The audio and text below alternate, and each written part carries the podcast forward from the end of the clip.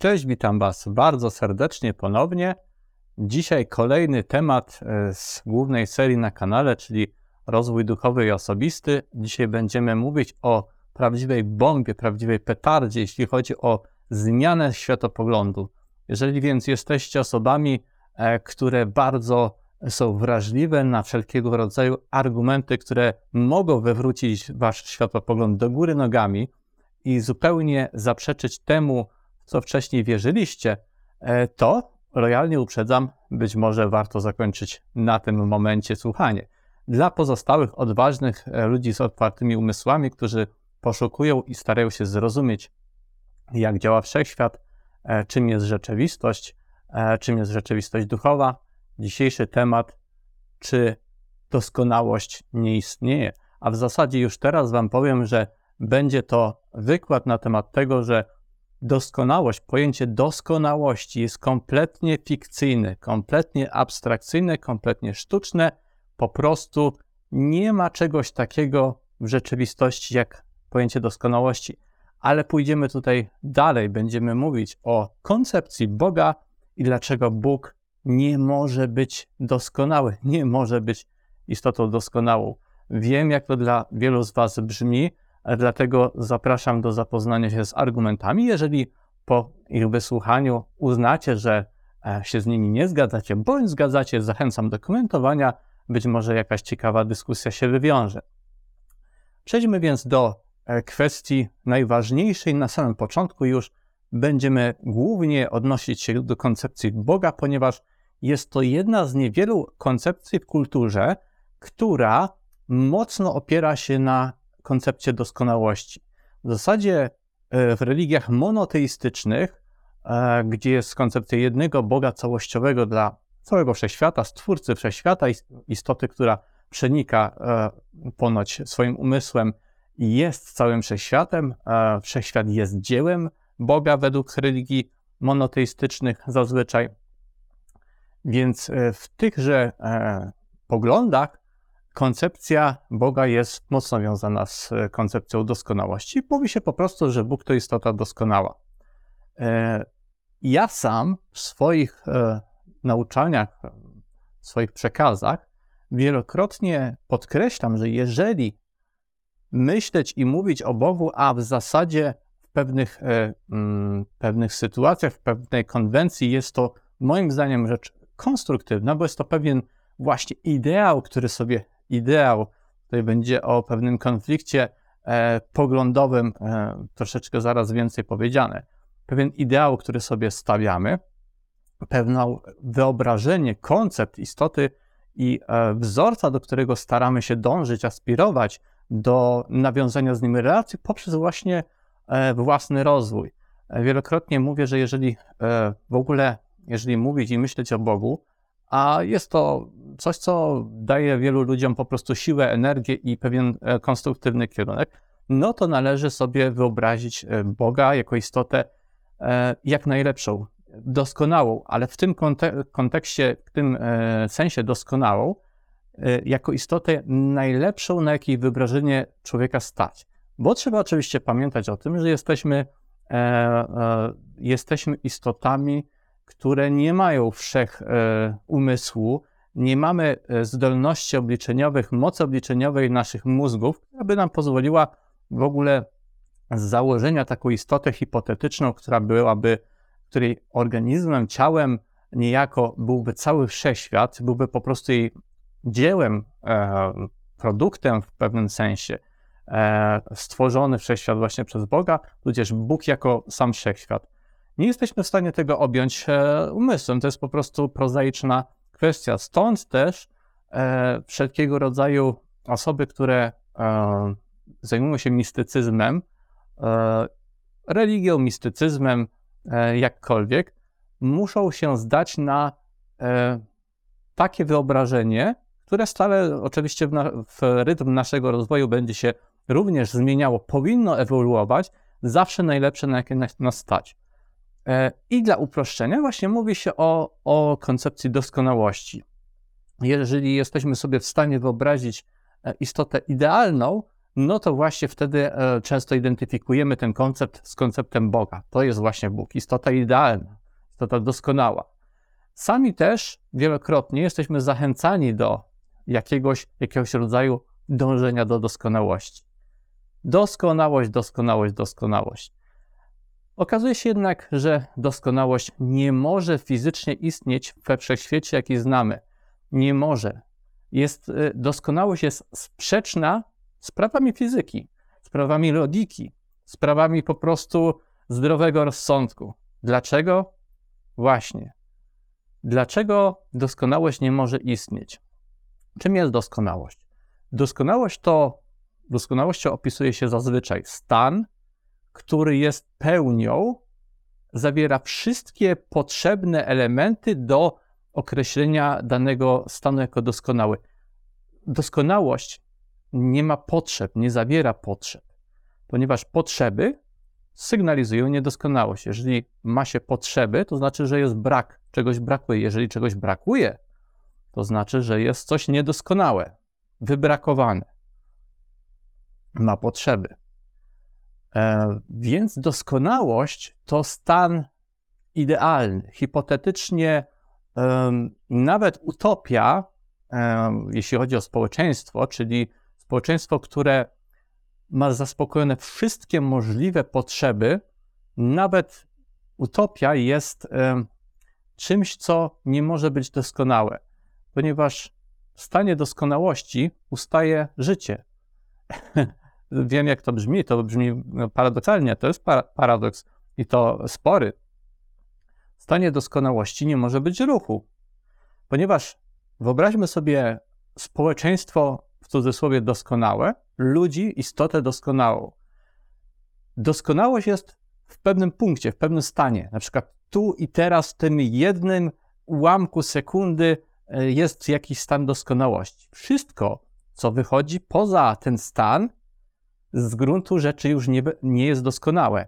Odbiega od tego stanu. Stan pełni, stan ideału może być tylko zatrzymany w czasie. Może być tylko nawet nie zatrzymany w czasie, on nie może istnieć w czasie. Jeżeli istnieje w czasie, to istnieje zmiana. Jeżeli istnieje zmiana, to znaczy, że albo doskonałość była tu, albo tam. Istnieje zmiana, czyli nie ma, nie ma tego idealnego dopełnienia. Skoro coś się transformuje, coś się zmienia, to znaczy, że się rozwija, właśnie ulega transformacji, czyli nie jest doskonałe, bo gdyby było, to by trwało, trwałoby w tym niezmiennym stanie doskonałości. Dlatego też coś, co wywróci wielu osobom e, ich światopogląd do góry nogami, ale myślę, że bardzo tak naprawdę w bardzo konstruktywny w efekcie sposób. No, oczywiście zależy, jak do tego podejdziemy, ale myślę, że słuchający mnie tutaj e, są z gatunku tych, którzy e, potrafią konstruktywnie wykorzystywać właśnie różne koncepty filozoficzne.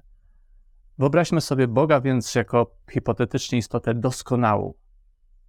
Istota doskonała, jak powiedzieliśmy, nie posiada potrzeb jest wypełniona, posiada wszystkie przymioty, wszystkie elementy, wszystko, co czyni ją doskonałą.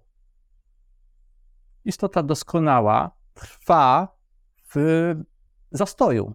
Doskonałość, osiągnięcie stanu doskonałości wyklucza transformację, jak powiedzieliśmy, wyklucza zmianę, wyklucza tworzenie dalsze, ponieważ tworzenie to jest już zmienianie, to jest zmiana. Skoro jest doskonałość, to dlaczego miałaby zaistnieć zmiana? Dlaczego e, ze stanu, w którym się jest rzekomo doskonałym, mielibyśmy ten stan odmienić? No to znaczy, że ten stan nie był doskonały. Miał, miał jakieś wady, jakieś e, mankamenty, jakieś cechy, które nie były do końca pożądane, dlatego, właśnie dlatego dokonano zmiany. Zmiana, tworzenie, rozwój jest wynikiem niedoskonałości. Niedoskonałości. Jeżeli posłużymy się tą mitologią, chociażby obecną w chrześcijaństwie, ale w wielu religiach monoteistycznych generalnie, gdzie jest mowa o tym, że istniał Bóg zawsze, poza czasem wręcz, e, tudzież przed nastaniem czasu i w pewnym momencie Bóg stwarza świat. Czy on stwarza Ziemię tylko, czy on stwarza galaktykę, czy on stwarza wszechświat, mniejsza o to. Bóg stwarza, stwarza człowieka rzekomo. Dlaczego? Dlaczego, pomyślcie, istota doskonała miałaby stworzyć cokolwiek, kogokolwiek? Po co? Skoro jest, posiada wszystkie cechy, które czynią go doskonałym, czyli nie posiada żadnych potrzeb, żadnej potrzeby zmiany, bo w stanie doskonałości nie ma, nie ma potrzeby zmiany. A więc dlaczego istota doskonała miałaby stworzyć człowieka? A w ogóle przyjrzyjmy się człowiekowi. No, chyba się zgodzimy, że nie jesteśmy doskonali. A więc jeszcze do tego dołóżmy. Istota doskonała miałaby stworzyć istoty niedoskonałe? Przecież cała mitologia chrześcijańska, chociażby posłużymy się tą nam najbliższą tutaj na tym terenie kulturowym. Cała mitologia chrześcijańska, ale innych religii monoteistycznych również mówi o tym, że Bóg tworzy, a potem dzieją się różne rzeczy, bunt w niebie, anioły się buntują, e, jest konflikt, e, jest człowiek, człowiek niedoskonały, cały czas jest ta niedoskonałość, więc jakim cudem, niech to ktoś wytłumaczy logicznie, istota doskonała miałaby tworzyć istoty niedoskonałe i tworzyć niedoskonały wszechświat. Jak? Po prostu jest to niemożliwe. Nie należy tego tłumaczyć w żaden wybujały sposób, żadne fantazje e, religijne tworzyć po prostu, które nie mają żadnego e, podłoża w rzeczywistości, w zdrowym rozsądku, w jakiejkolwiek logice. Po prostu to jest niemożliwe. Wykazałem tutaj Wam, że fizycznie niemożliwe jest istnienie stanu doskonałości nawet u istoty, którą się identyfikuje z tym stanem bardzo często. Wierzy się, że Bóg jest istotą doskonałą, że Bóg jest pełnią. Nie, nie mógł być pełnią, nie mógł być pełnią, jeżeli e, przyjmiemy, że cokolwiek stworzył, kogokolwiek stworzył, że cokolwiek jest wynikiem dalszym e, istnienia Boga, czyli na przykład, że człowiek jest dziełem Boga, czy, czy cokolwiek planety, kosmos, cokolwiek. Bo to znaczy, że pełnią nie był. Co więcej, możemy wnioskować pewne rzeczy. Oczywiście nie jesteśmy w stanie wejść w umysł istoty, która jest wszechświatem, hipotetycznej istoty, która jest wszechświatem. Nie jesteśmy w stanie wejść w ten umysł, bo po prostu nie mamy tego doświadczenia, nie mamy takiej percepcji, więc jest to cały czas e, takie troszeczkę hipotetyzowanie. Ale z punktu widzenia naszego ludzkiego, gdybyśmy mieli przyjrzeć się tej sytuacji, to jeżeli byśmy przyjęli taką koncepcję, że jest jakiś Bóg, który tworzy e, jakieś istoty i życie, generalnie mówi się, że Bóg stworzył życie, tak? Był wcześniej tylko Bóg, a Bóg e, w pewnym momencie zdecydował, stworzę życie, stworzę inne istoty, stworzę wszechświat, zasiedlę wszechświat i tak dalej. Więc co to, co to nam mówi o takiej istocie hipotetycznej oczywiście, bo od razu wam powiem, że uważam, że to jest duże, w dużej mierze nic innego jak bardzo wymieszane różne mitologie i różne, różne koncepcje z różnych mitów są bardzo wymieszane w samym chrześcijaństwie i wielu religiach, które po prostu e, pojawiały się z biegiem czasu historii i, i teraz e, nie mamy wglądu e, historycznego w, w czasy chociażby przed e, E, przed Sumerem. Sumer 6000 lat wstecz to ostatnie, co wiemy e, z historii, a wiemy, że ludzkość, nie, ludzkość istniała wcześniej, tylko po prostu ślady historyczne są zatarte. Więc wierzenia, kultura to takie rzeczy, które są bardzo często mm, na przykład nie spisywane w ogóle. W wielu kulturach nie spisywało się takich rzeczy, tylko się przekazywało ustnie. Albo przekazywano na nośnikach, które uległy zniszczeniu. Więc E, mamy bardzo mało wiedzy na ten temat, natomiast e, trzeba powiedzieć, że, że ta historia jednak jest po prostu zlepkiem różnych konceptów, moim zdaniem i zdaniem po prostu historyków, badaczy tematu. E, fakty, takie są fakty. Więc hipotetycznie istota boska, która tworzy inne istoty, jest istotą samotną. Po prostu samotną. E, skoro ma potrzebę stworzenia życia i innych istot, to znaczy, że odczuwa pewien rodzaj pustki i osamotnienia. To oczywiście przekładamy tutaj na naszą koncepcję, na nasze rozumowanie jako istot ludzkich. A więc niedoskonałość. niedoskonałość. I e, z tego, co z całych moich poszukiwań wieloletnich, wielu e, bardziej oświeconych i światłych e, przedstawicieli różnych religii przyjmuje taką koncepcję właśnie, że Bóg mógł być istotą e, odczuwającą pewną, e, pewien dyskomfort związany z, z własnym istnieniem w po prostu i nieistnieniem niczego innego.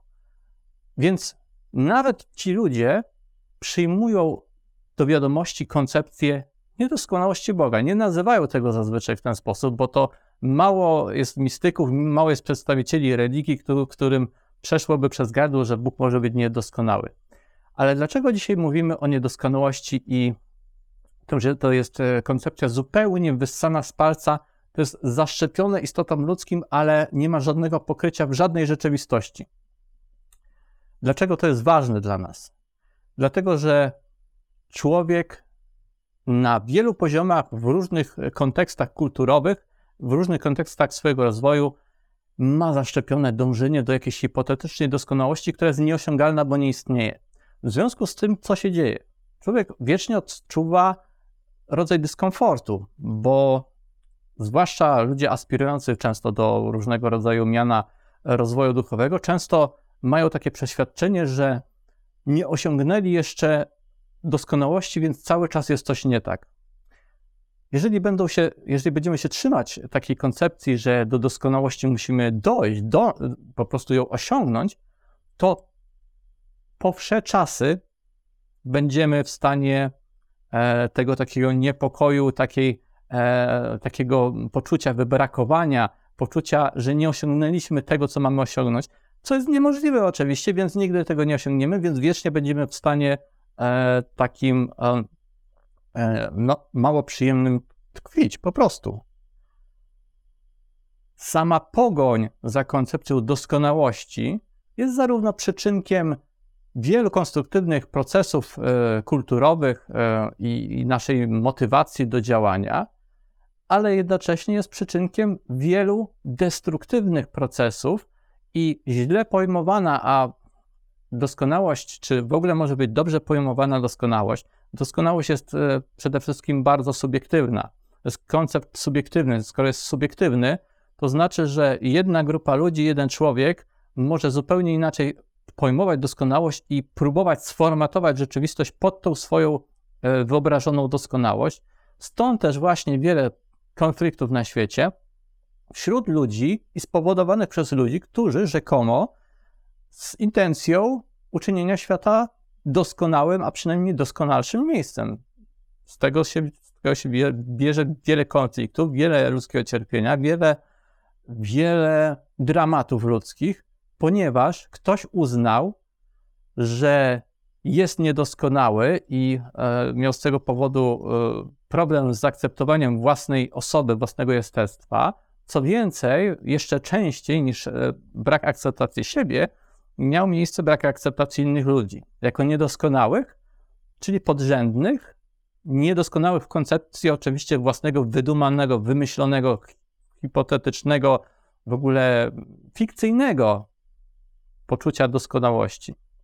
A więc doskonałość i koncepcja doskonałości jest wręcz jak wirus, wirus umysłu, który atakuje i sprawia, że ludzie zaczynają nieracjonalnie myśleć, nieracjonalnie działać, ponieważ kierują się fikcyjną, abstrakcyjną koncepcją. Koncepcją, która nie ma miejsca w rzeczywistości. Co więcej, nasze przyjęcie wyobrażenia Boga jako istoty doskonałej również zarówno posiada oczywiście pozytywne elementy, o których wspomniałem, do których sam wielokrotnie w innych miejscach zachęcałem i zachęcam, czyli wyznaczenie sobie takiego kierunku, w którym można podążać. Nie ma tak naprawdę mety, bo ta meta nie istnieje, ale przynajmniej jest kierunek dla rozwoju, więc to jest ok. Ale z drugiej strony ujmując, i musimy być tego świadomi, dzisiaj po to jest ten materiał, żeby tą, tą, świadomość zbudować, nasze przeświadczenie o doskonałości Boga rodzi zazwyczaj dualizm panuje, prawda? Więc skoro Bóg jest doskonały, e, to my automatycznie skojarzeniowo jesteśmy niedoskonali, czyli jesteśmy kimś um, właśnie tutaj chociażby koncepcja grzechu pierwo- pierworodnego mogła się związać, jej stworzenie właśnie, e, z koncepcją tego, że tylko Bóg jest doskonały, człowiek jest niedoskonały, człowiek musi, i tutaj, tutaj się wkrada cała masa różnych manipulacji, musi odpokutować, zasłużyć sobie i wszelkiego rodzaju manipulatorzy e, e, na przestrzeni dziejów wykorzystywali to, żeby to ludzkie przeświadczenie o bycie niedo, byciu niedoskonałym w obliczu doskonałego Boga, żeby, żeby to jakoś odpracowywać. Oczywiście, ponieważ opiera się to na fikcyjnej koncepcji doskonałości, to nigdy istoty ludzkiej nie odpracują tego, bo nie ma żadnej mety, bo nie ma żadnej tak naprawdę e, koncepcji doskonałości. Zawsze, wierząc to, zawsze będziemy czuli się e, gorsi, czuli się, że nie zasługujemy, czuli będziemy, że e, musimy coś odpokutować, że musimy się kajać, że musimy przepraszać za własną niedoskonałość. Skoro nie ma doskonałości, jak, jak powiedzieliśmy, to nie ma również niedoskonałości. Proste. Nie ma niedoskonałości, skoro, skoro doskonałość nie istnieje, bo to są dwa przeciwieństwa. Więc możemy mówić o staniu być, stanie bycia. Jesteśmy tacy, jacy jesteśmy teraz, możemy się zmieniać i naturą rzeczy jest zmiana, ale zmiana wynika z, z natury niedoskonałości. Oczywiście tutaj sam sobie zaprzeczyłem, ponieważ powiedziałem, że niedoskonałość nie istnieje, a teraz powiedziałem, że zmiana wy, wynika z naturalnej niedoskonałości. Ale posługujemy się, ja się posługuję takim słownictwem tylko dlatego, że nie mamy, nie dysponujemy innymi określeniami, innymi słowami. Niedoskonałość świata jest najbliższym określeniem, żeby określić ten stan, który powoduje rozwój, dynamikę, życie, dążenie do czegoś, transformację. To jest najbliższe określenie, niedoskonałość, chociaż nie powinno ono tak brzmieć, bo jak wykazaliśmy, pojęcie doskonałości jest fikcyjne, więc tutaj powinniśmy znaleźć jakieś zastępcze określenie. Być może wy je znacie, zaproponujecie, zachęcam do komentowania. A więc ta wyklęta, niepożądana niedoskonałość, która sprawia, że tak trudno nam akceptować siebie, otaczający nas świat, bo mamy gdzieś za uszami cały czas przeświadczenie, że istnieje jakaś doskonałość, która, jak wykazałem, jest fikcją. Ktoś nam to po prostu sprzedał, zaszczepił i to mocno się wgryzło w psychikę istoty ludzkiej. Skoro nie istnieje ta doskonałość, skoro naturą rzeczy jest transformacja wynikająca z tej tak zwanej niedoskonałości, to oznacza, że to niedoskonałość jest czymś dobrym, czymś pięknym w pewnym sensie, czymś konstruktywnym. Gdyby bowiem nie niedoskonałość, gdyby bowiem nie, nie to, że wszystko jest w pewnym sensie niekompletne, nie ma zaspokojonych wszystkich możliwych potrzeb, i to nawet nie tylko mówimy o istotach żywych, ale mówimy o królestwie minerałów, chemii, wszystko się gdzieś tam transformuje, łączy, przemienia. Jest natura wszechświata. Na, na, na poziomie najdrobniejszych cząstek zachodzą różnego procesy zmiany. To znaczy, że ta rzekoma niedoskonałość jest niczym innym jak przyczyną życia, przyczyną istnienia i przyczyną dynamiki. A więc czymś najlepszym. Bo gdyby nie ta niedoskonałość, gdyby istniał naprawdę ten hipotetyczny stan doskonałości, czyli pełni zaspokojenia wszystkich potrzeb, nawet tych, o których jeszcze nie pomyśleliśmy. A skoro byłoby zaspokojenie wszystkich potrzeb, o których istota jeszcze nawet nie pomyślała, to znaczy, że nie wykazywałaby żadnych cech istoty żywej, nie byłoby życia, bo nie byłoby ruchu. Skoro nawet nie byłoby miejsca na myśl o tym, że potrzebuje czegoś, potrzebuje jakiejś, zmiany, to znaczy, że, że, że ta istota nie, nie istnieje, nie żyje. Nie wykazuje żadnej, żadnych procesów w sobie. Wszystko jest w jednym punkcie. Wszystko by ustało, gdyby zaistniała kiedykolwiek doskonałość, do której tak wielu dąży. Gdyby wszechświat osiągnął doskonałość, gdyby Bóg osiągnął doskonałość, nic innego by nie istniało. By istniała tylko ta doskonałość. Wszystko inne nie mogłoby istnieć, bo dosko istnienie doskonałości wyklucza istnienie czegokolwiek innego.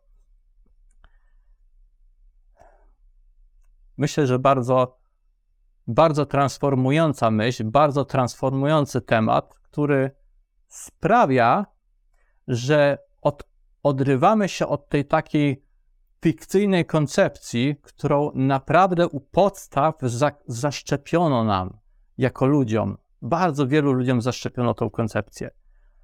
I dopóty będziemy się kierować fikcyjną, nieistniejącą rzeczą, dopóty będziemy wiecznie gonić za czymś, co nie istnieje, no po prostu. A więc będziemy zawsze w stanie niespełnienia. Spełnienie może się pojawiać tylko wtedy, jeżeli to, e, do czego dążymy i do, do czego dążymy, osiągamy to, jest prawdziwe, no to wtedy może istnieć spełnienie. E, wtedy może istnieć poczucie stawania się lepszym, samodoskonalenia i tak dalej. Ale jeżeli dopóty, dopóki mm, posiadamy wyobrażenia, um, koncepty fikcyjne, które nakładamy na siebie i jesteśmy przekonani, że powinniśmy być w tym fikcyjnym e, stanie, dopóty jest poczucie braku, dopóty jest poczucie niespełnienia, bycia gorszym. A jeżeli Bóg hipotetycznie Istota, która jest umysłem całego wszechświata, takim zbiorczą świadomością, a z różnego rodzaju e, tematów ezoterycznych, mistycznych wiemy, przynajmniej osoby, które gdzieś tam się wgłębiły i trochę badały temat, wiemy, że istnieje coś takiego jak e, zbieranie się świadomości w coraz większych grona. Coraz my sami w tym ciele posiadamy wiele tak naprawdę różnych, w psychologii to się nazywa często maskami, ale to są różne jakby nasze różne ja przystosowane do różnych zadań, ale tak naprawdę one wszystkie się mieszczą w tym jednym ciele i w tym jednym e, umyśle i, i nazywamy to potem właśnie zbiorczo ja, ale to nasze ja z tego ciała, wiele ścieżek mistycznych mówi o tym, że jest częścią jakiegoś e, ja większego, które posiada tych ja kilka, kilkanaście, różnie to bywa, i tak dalej, i tak dalej. Czyli świadomości łączą się coraz większe zbiory i jest dla mnie zupełnie do przyjęcia, że istnieje coś takiego jak świadomość, rodzaj świadomości, rodzaj istnienia, rodzaj umysłu, rodzaj połączenia pewnego pola świadomości wspólnego dla całego wszechświata i to e, roboczo często nazywa się Bogiem. Więc taka koncepcja jest zupełnie dla mnie do zaakceptowania. Natomiast jeżeli będziemy wierzyć, dopóki wierzymy w doskonałość świata duchowego, to nie tylko Boga, bo to często jest e, projektowane na przekonanie o aniołach, o istotach opiekuńczych i tak. Jesteśmy, żyjemy często wychowani w przekonaniu, że na Ziemi jest życie niedoskonałe, w tym cielesnym e, łez padole jest życie niedoskonałe, a poza tym światem jest doskonałość istoty doskonałe. Jeżeli jednak wchodzimy na pewnym etapie rozwoju w interakcję z tymi istotami, i wchodzimy z przeświadczeniem, że są doskonałe, to jesteśmy raz podatni na wiele e, różnego rodzaju, powiedzmy, manipulacji, powiedzmy sobie wprost. Dwa, sami tworzymy um, niekorzystne sytuacje i pewne patologiczne relacje, ponieważ wchodzimy w relacje z przekonaniem błędnym. Istoty, z którymi się człowiek styka, wszystkie, podkreślam, wszystkie, mam tu na myśli z każdej religii aniołów, archaniołów, istoty z cywilizacji gdzieś galaktycznych i tak dalej, i tak. Wszystkie istoty są niedoskonałe, a więc ważne jest, żeby się nie zachłystywać i nie, nie być zapatrzonym jak to przysłowiowe ciele, które patrzy się w malowane wrota, tudzież e, w jakiś obraz, jest to dla niego fascynujące, e, albo mówi się, e, że słucha jak e, świnia grzmotu. tak, fascynujące, ale jednocześnie ta relacja może być kompletnie oparta na błędnym przeświadczeniu. To nie oznacza, że mamy teraz traktować wszystkich innych gorzej, bo odkryliśmy ich niedoskonałość, ale traktować właśnie jak w pewnym sensie równych sobie, partnerów. Y, Każdy z nas jest czymś innym, kimś innym, ma jakieś cechy, ma jakieś dążenia oczy- oczy- oczywiście, e, ma jakieś cele, jakieś, jakaś transformacja w nas zachodzi, oczywiście jakiś wzrost świadomości w nas zachodzi, miejmy nadzieję, ale uzmysłówmy sobie to, że ta rzecz dotyczy każdej jednej istoty we wszechświecie. A więc, jeżeli będziemy z tą świadomością wchodzić w relacje, to będziemy, będziemy e, wchodzić w dojrzalsze relacje, w bardziej prawdziwe relacje, w bardziej e, zdrowe relacje. A jeżeli będziemy mieć świadomość, że nawet jeżeli wierzy- wierzymy w koncepcję Boga, to Bóg również jest w pewnym sensie istotą niedoskonałą, bo stworzył nas, powiedzmy sobie to wprost, to również nie będziemy się tak bardzo wstydzić w obliczu Boga. E, Ujmijmy tak kolokwialnie i prosto ten temat. Nie będziemy mieć takich kompleksów, że oto istota doskonała, a ja niedoskonały, ojejku, ja biedny grzesznik. No nie. Skoro tu jesteśmy, to znaczy, że jesteśmy potrzebni. Skoro istniejemy, to znaczy, że jest potrzeba wszechświata dla naszego istnienia. I tyle. I więcej e, argumentów, więcej uzasadnienia nie potrzebujemy. Jesteśmy tym, kim jesteśmy, to znaczy, że było miejsce dla nas, żebyśmy zaistnieli. Gdyby nie było, gdyby, gdybyśmy byli niepożądanym elementem, to byśmy nie istnieli. Oczywiście dla nas samych w naszym interesie leży jakaś zmiana, jakaś transformacja, jakieś wzrastanie, jakieś poprawa pewnych cech, które odkrywamy, że nie są zbyt konstruktywne, ale jednak, ale jednak ta akceptacja przy uzmysłowieniu sobie, że ta fikcyjna doskonałość nie istnieje, jednak wzrasta, prawda? Czujemy jednak, że skoro wszechświat jest niedos niedoskonały i Bóg jest niedoskonały, to nie znaczy, że jest zły, to nie znaczy, że jest zepsuty, że jest w jakiś sposób wadliwy, ale to znaczy, że jest w nim miejsce cały czas na doskonalenie, bo miejsce na doskonalenie i na, na rozwój jest tylko tam, gdzie ta niedoskonałość istnieje. Wyklęta, chociaż tak naprawdę najbardziej potrzebna, najbardziej będąca przyczynkiem do zmiany, do wzrastania, do pojawienia się życia. Fascynujące, prawda? Mam nadzieję, że więc ten temat Was zainspirował, że sprawił, że inaczej troszeczkę popatrzycie na świat e, i z większą akceptacją dla samych siebie, i z drugiej strony z większym zrozumieniem dla tego, co się wokół dzieje. E, nikt nie jest doskonały i okej, okej, po prostu. Zaakceptujmy ten fakt, e, ale nie patrzmy z tego powodu na świat e, w jakiś e, taki sposób, że niedoskonały, czyli zły. Po prostu świat jest taki, jaki jest, a my cały czas, cały czas trwa ten, ten proces rozwoju, ta dynamika. Cały czas mamy sposobność do tego, żeby czynić go coraz lepszym i czynić go w tym kierunku, w jakim byśmy chcieli. To jest dar niedoskonałości. To wynika z istnienia niedoskonałości. Ta nasza możliwość tworzenia i tworzenia świata takim, jakim byśmy chcieli go bardziej widzieć. To jest wynik tej niedoskonałości. A więc zapomnijmy o jakimś, jakiejś fikcyjnej, głupiej doskonałości, wyznaczajmy sobie cele i dążmy do ich re- realizacji, wzrastajmy w świadomość. Pamiętajcie, łapka w górę pod filmem to jest dla mnie sygnał do nagrywania kolejnych rzeczy. Czytam Wasze komentarze. Do usłyszenia. Trzymajcie się ciepło. Cześć.